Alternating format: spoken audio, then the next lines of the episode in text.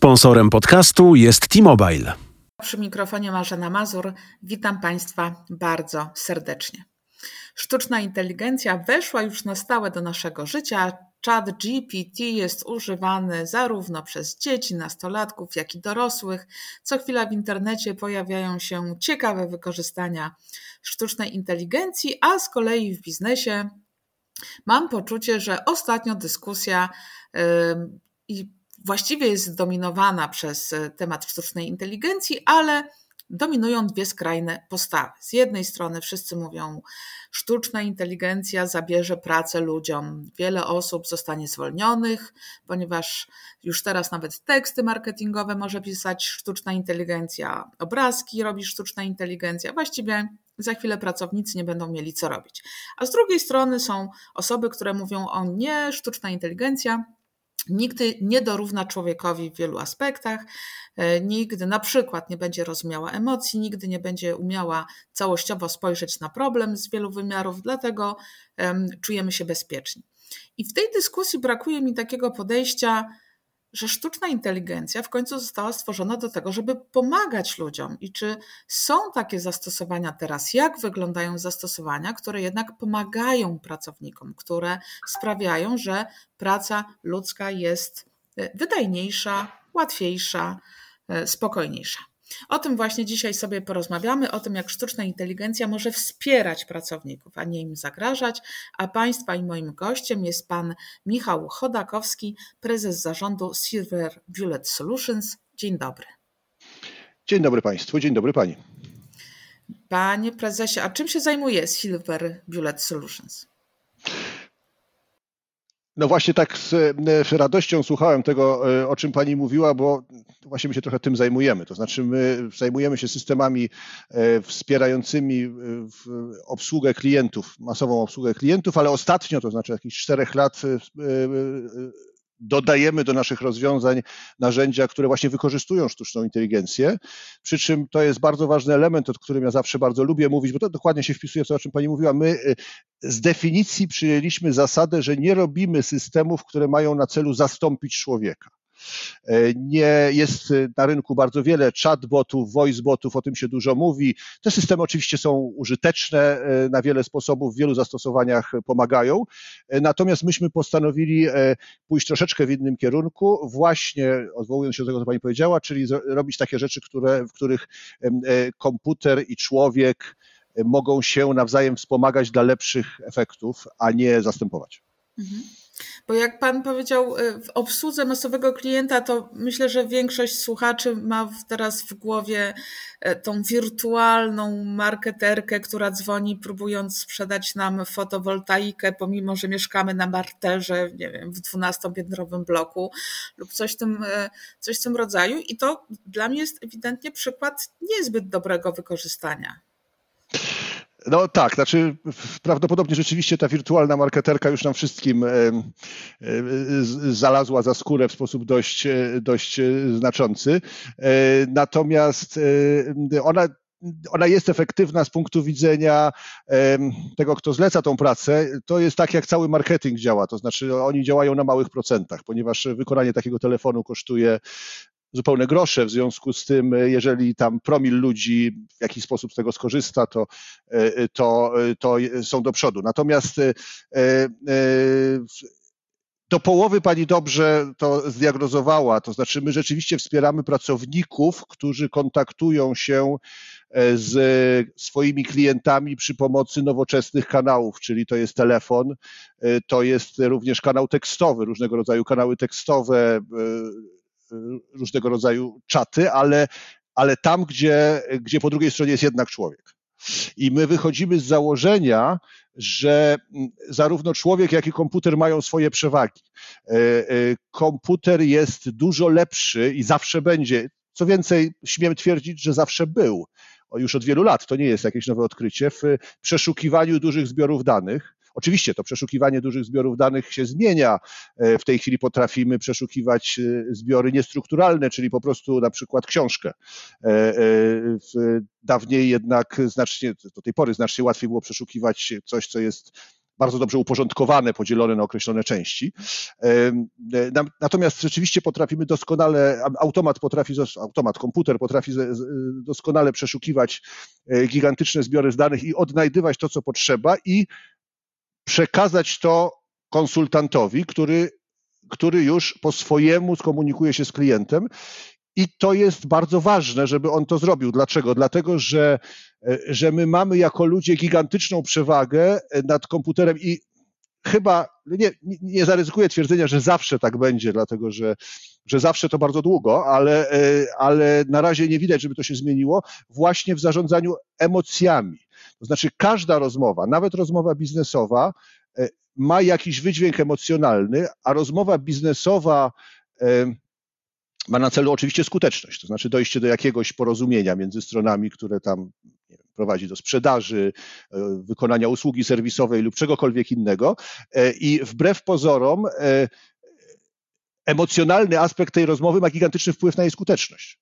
I tutaj przewaga człowieka jest ogromna e, e, i, e, i na razie nie, nie widzę możliwości zastąpienia człowieka. No, to jest właśnie ten argument, który jest poruszany przez te osoby, które twierdzą, że nigdy, przenigdy sztuczna inteligencja nie będzie nam pomagała. No, ale to w takim razie, znaczy nie będzie nas zastępowała, no ale to w takim razie w jaki sposób pomaga, skoro emocje jednak są po stronie ludzi, ona wyszukuje dane, a ona nie może rozpoznawać już emocji w trakcie rozmowy? E, widzi Pani, to są dwa aspekty. To znaczy, jeszcze jeśli chodzi o rozpoznawanie emocji, to jest troszkę lepiej, chociaż e, to nadal jest problem trudny, ale mamy pewne mechanizmy rozpoznawania sentymentu, tak to się nazywa bardziej fachowo. Natomiast drugi aspekt, gdzie moim zdaniem już zupełnie e, technologia jest, e, jest bezradna w tej chwili, to jest ekspresja emocji. To znaczy, to, co ja do Pani mówię, ma oczywiście swoją wartość, pewną warstwę taką e, werbalną, prawda, przekazuje pewne informacje, ale też jest zawsze w każdej rozmowie jakaś warstwa emocjonalna. Ja, pani słyszy, że mnie jest przyjemnie z panią rozmawiać, albo troszeczkę mniej przyjemnie, akurat teraz bardzo przyjemnie, ale w życiu różnie bywa. E, e, ja, no, nawet jeżeli się uśmiecham, e, co, co ja widzę, pani widzi, a, a, a słuchacze nie widzą, ale wbrew pozorom widzą. To znaczy uśmiech słychać przez radio. To wielokrotnie na różnych szkoleniach nam przekazywano.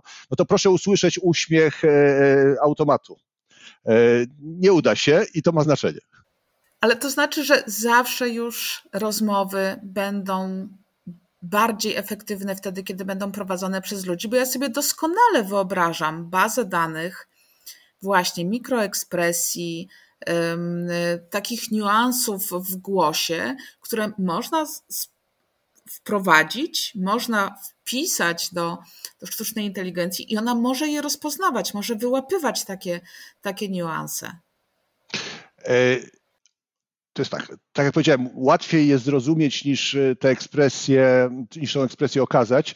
E, ja mam wrażenie, że znaczy, bo, bo, to jest tak, rzeczywiście no, e, każdy z nas dysponuje, nawet pewnie nieświadomie, ale dysponuje pewnym zasobem sygnałów niewerbalnych, przy pomocy których też się komunikujemy pokazując, e, e, jak to robić, a znaczy pokazując właśnie pewien, pewien fragment komunikacji.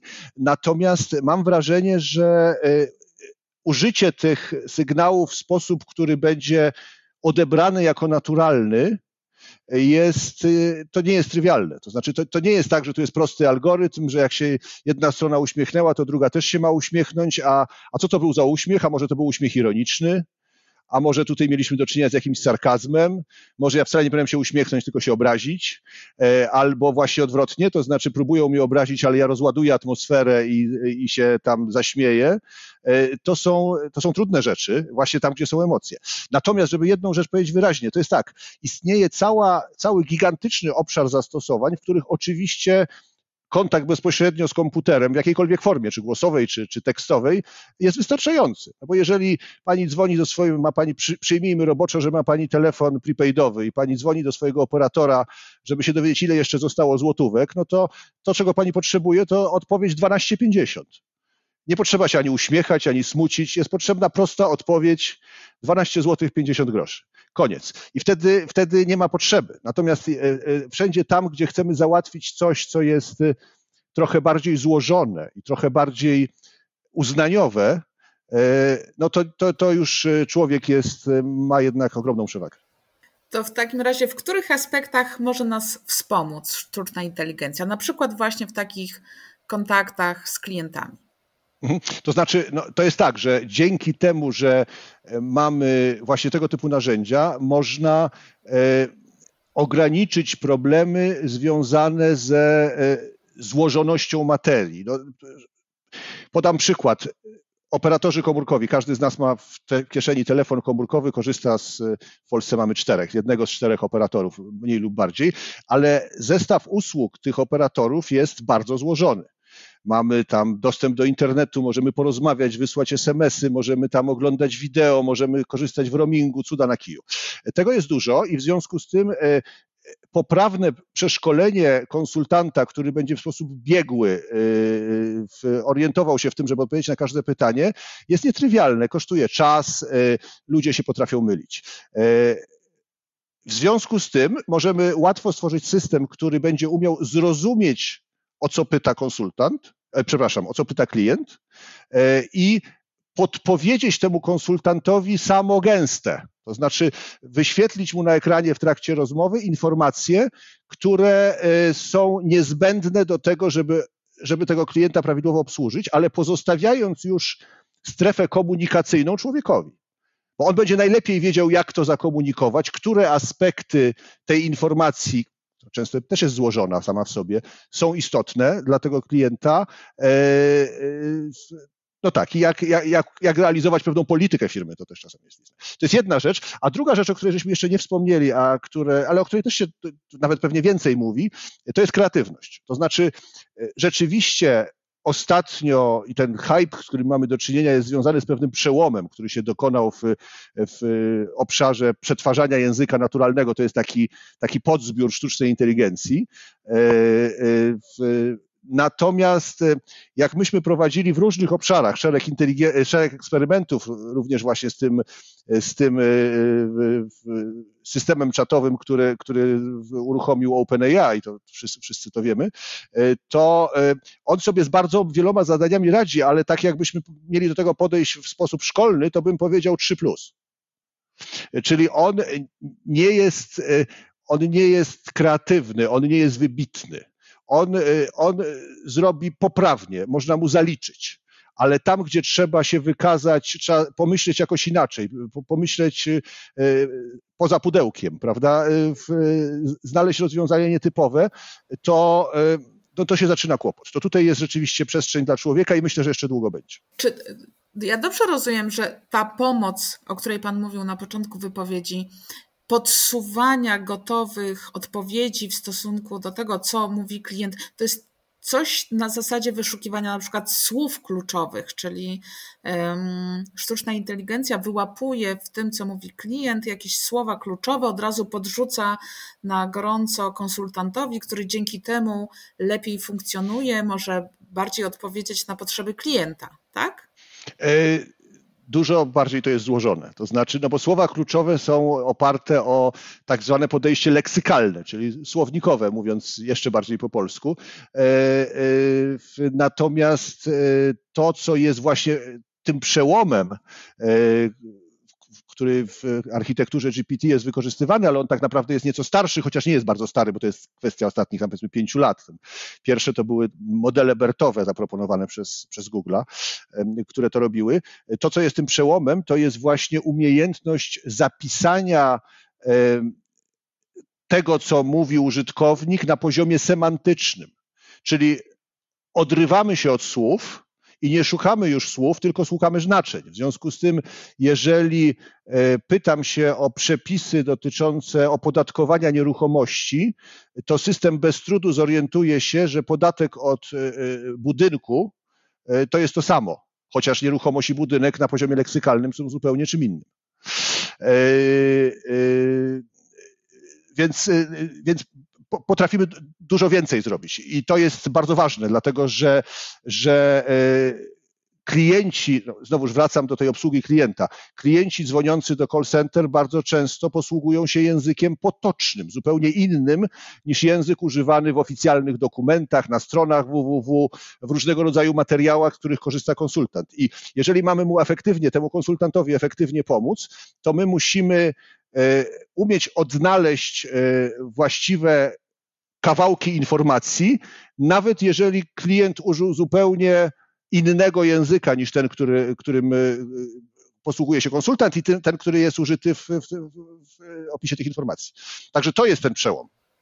Tak, to rzeczywiście jest niesamowite. Rozumiem, że jak klient zapyta, a czy ten telefon spodoba się mojej córce, to nie chodzi o telefony dla dzieci, tylko na przykład o to, czy, nie wiem, jest duży wyświetlacz i w gry można grać. Tak? I to sztuczna inteligencja już jest w stanie połączyć ze sobą i, e, i podpowiedzieć. Wie pani, to nie jest takie wszystko proste, dlatego że e, e, i to jest następny element, który się udało, udało właśnie niedawno dopiero osiągnąć. Mianowicie sztuczna inteligencja musi umieć i powoli zaczyna umieć trzymać kontekst. Bo jeżeli ja, jeżeli mnie się pani zapyta, czy ten telefon się spodoba pani córce, to ja, przepraszam, patrząc na panią, do, zobaczę nastolatkę ale jeżeli, e, jeżeli e, dzwoniłaby do mnie e, starsza pani 90-letnia, to ona prawdopodobnie ma na myśli 40-letnią kobietę. To trochę inny, trochę inny telefon. W związku z tym właśnie brak informacji o kontekście może prowadzić na manowce. Systemy te, które, z którymi w tej chwili mamy do czynienia, ale też również nasze, umieją ten kontekst złapać. Czyli oczywiście, jeżeli on jest, dlatego że nie zawsze on jest. Jeżeli on jest w sferze obrazu, no to już jest gorzej. Natomiast jeżeli mamy pewne dane na temat klienta lub no mamy dlatego, że na przykład konsultant wcześniej o to zapytał lub dlatego, że one pochodzą z jakichś baz danych, do których mamy dostęp, no to możemy te dane wykorzystać i właśnie reagować prawidłowo. Niesamowite. A tutaj rodzi mi się kolejne pytanie, no bo jeżeli sztuczna inteligencja może tak współpracować e, z pracownikiem, może tak ułatwiać mu pracę, to ja mam teraz pytanie o wynagrodzenie tego pracownika. Przecież on pracuje dużo mniej niż pracował do tej pory. Sztuczna inteligencja bardziej mu pomaga. Jego e, wysiłki są być może mniejsze niż do tej pory. Za chwilę, jeżeli wprowadzimy naprawdę już e, tak powszechnie sztuczną inteligencję jako pomoc w pracy, e, pewnie rozpocznie się dyskusja, no to jak z wynagradzaniem pracy ludzi, którzy korzystają ze sztucznej inteligencji. Bo czy grafik, który obrabia już obrazek stworzony przez sztuczną inteligencję, on jest tak samo kreatywny i twórczy, jakby stworzył ten obrazek? Czy można mu zapłacić mniej, a może właśnie więcej? Może chodzi o to, że jest wtedy więcej pracy. Co pan o tym myśli? Znaczy, wie pani, wydaje mi się, że tutaj ten problem to jest bardzo stary. To znaczy, a czy, czy jak wprowadzono samochody, to dorożkarze, to, to kierowcy musieli zarabiać mniej niż dorożkarze przedtem? No chyba nie. W ogóle na, na, początku raczej chyba więcej. Tak, tak mi się wydaje. Oczywiście oni więcej wożą. Są w stanie przewieźć szybciej, są w stanie przewieźć sprawniej, w bardziej komfortowych warunkach i tak dalej. Ale to nie jest powód, żeby oni mniej zarabiali. Ja myślę, że tutaj analogia jest pełna. To znaczy e, e, dobrze jest i jakby wydaje mi się, że w ogóle rozwój technologii do tego zmierza, żebyśmy wykorzystywali w każdym człowieku jego najlepsze cechy. To, w czym ma przewagę. E, I e, jak e, dawniej, jak trzeba było wykopać rów, to robił to człowiek, a teraz przyjeżdża koparka, no dlatego, że koparka po prostu zrobi to sprawniej i lepiej. Ale to nie znaczy, że operator koparki ma mniej zarabiać w następnym kroku ja się spodziewam, że będziemy znacznie bardziej opierać się na kreatywności ludzkiej oraz na, na intuicji takiej emocjonalnej, na umiejętności właśnie komunikacji na poziomie, e, na poziomie emocjonalnym, e, a znacznie mniej polegać na e, umiejętności wyszukiwania czy umiejętności zapamiętania, gdzie co leży, prawda, w sensie informacyjnym. E, co nie wcale nie znaczy, że ci ludzie mają mniej zarabiać, może właśnie powinni zarabiać więcej. Natomiast y, oczywiście zwiększy się ich efektywność. E, będą inaczej położone akcenty, ale, ale nie ma powodu, żeby, żeby tutaj zaniedbywać pracowników. Ostatnio widziałam e, taką dyskusję w internecie, gdzie mm, jednym z głosów było to, że zawody, właśnie takie twórcze, kreatywne, trochę się zmienią, że z jednej strony no, pozostaną ci twórcy tacy unikalni, którzy będą dostarczać unikalnej, e, unikalnej jakości e, wyrobów, których nie będzie w stanie dostarczyć jeszcze sztuczna inteligencja, ale z drugiej strony część z nich albo się przekwalifikuje, albo powstaną nowe zawody, które będą polegały na tym, żeby brać to, co generuje sztuczna inteligencja i selekcjonować, czyli to już nie wytwarzanie, tylko wybieranie to, co zostało stworzone i sprawdzanie, jak dopasowywanie do, do naszych potrzeb. I to właściwie wymaga tej wiedzy, którą mają twórcy, wymaga kreatywności, ale już sam proces tej kreatywności nie wymaga. To też jest bardzo ciekawe. No tak, znaczy to jest w ogóle, bo to zahacza o, o dużo poważniejsze pytanie, to znaczy e, pytanie o to, po czym poznajemy, że, że coś jest wielkim dziełem sztuki, a coś innego jest no, dość przeciętnym i raczej odtwórczym produktem, prawda? E, I w mojej ocenie nie ma dobrej odpowiedzi na to pytanie. E, bardzo często, to może będzie niepopularne, co powiem, ale bardzo często jest tak, że, że pewne, e, pewna, pewna wielkość wynika z popularności. To znaczy, y, ktoś, y, jakiś twórca, artysta w dowolnej dziedzinie y, coś osiągnął, a potem e, wszyscy są zachwyceni jego dalszymi osiągnięciami, dlatego że to właśnie on, prawda? E, I e, więc oczywiście to, co się stanie, to proces twórczy się uprości znacznie. No dlatego, że, że, że, że, w każdym procesie twórczym jest duży kawałek rzemiosła i to rzemiosło prawdopodobnie będzie można będzie można e, właśnie jakoś pominąć, no ale w każdym razie powierzyć, e, powierzyć maszynie.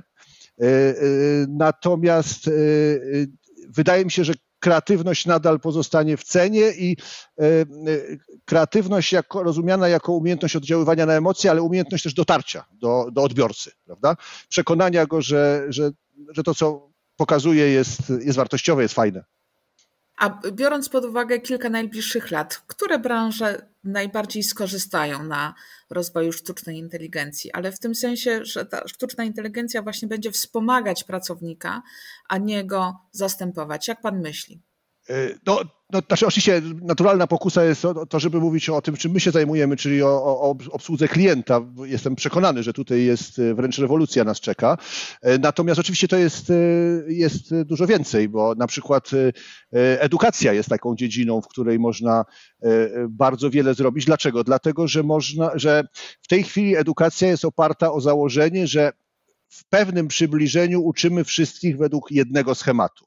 Mamy y, program nauczania, y, dzieci siedzą w klasie w ilości tam kilkunastu, a może kilkudziesięciu, no i tam są uczone różnych rzeczy. Natomiast y, każdy człowiek, każde dziecko, każdy dorosły, jak się uczy, jest inny i ma inne potrzeby, zarówno jeśli chodzi o cele edukacji, jak i jeśli chodzi o background, to znaczy co już, co wie, czego nie wie, jak i, jak i jeśli chodzi o potencjał, to znaczy co, co może osiągnąć. I dzięki temu, że no ale no po prostu zwyczajnie nas nie stać, żeby był z wyjątkiem jakichś absolutnych szaleństw, żeby był e, indywidualny nauczyciel dla każdego ucznia. Próbuje się tam na studiach, indywidualny tok nauczania oczywiście, ale to, to, wszystko, to wszystko się nie skaluje. Natomiast teraz się właśnie zeskaluje. To znaczy będzie można e, spróbować dopasować, e, dopasować edukację do, do konkretnego, do konkretnego do konkretnej osoby, biorąc pod uwagę te wszystkie parametry, o których powiedziałem.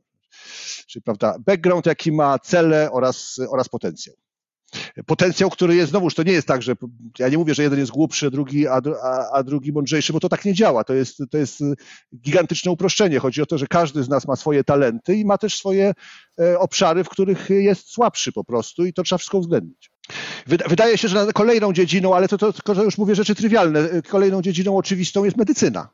E, to znaczy, e, no, a szczególności na przykład diagnostyka medyczna.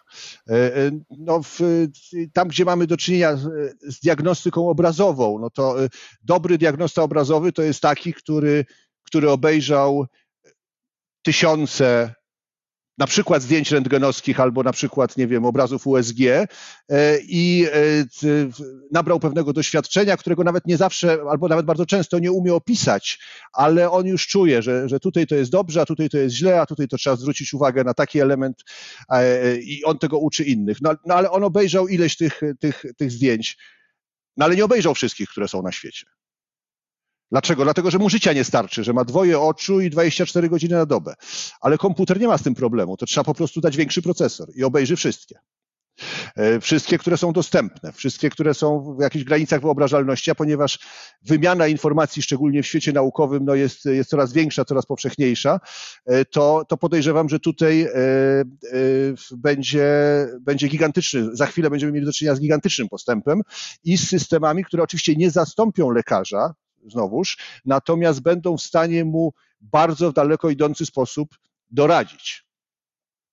Z tym doradztwem jest jeszcze jeden problem, który, mm, e, e, na który trzeba uważać przy sztucznej inteligencji. Mianowicie, mm, no, pewnie nie będę bardzo odkrywczy, jeżeli powiem, że każdy z nas, każdy człowiek jest do pewnego stopnia leniwy. Prawda? Jak można coś e, zrobić mniejszym wysiłkiem, to, to zwykle nie tracimy takiej okazji. I systemy, które doradzają na podstawie własnej analizy i podają gotową odpowiedź, e, karmią to lenistwo. Czyli ja oczywiście mogę się zastanowić, na przykład właśnie tak w przypadku lekarza, czy ta diagnoza jest poprawna, czy nie, ale mój Boże, no po co? No, dobrze te systemy działają, przeanalizował setki tysięcy przypadków, na pewno jest dobrze.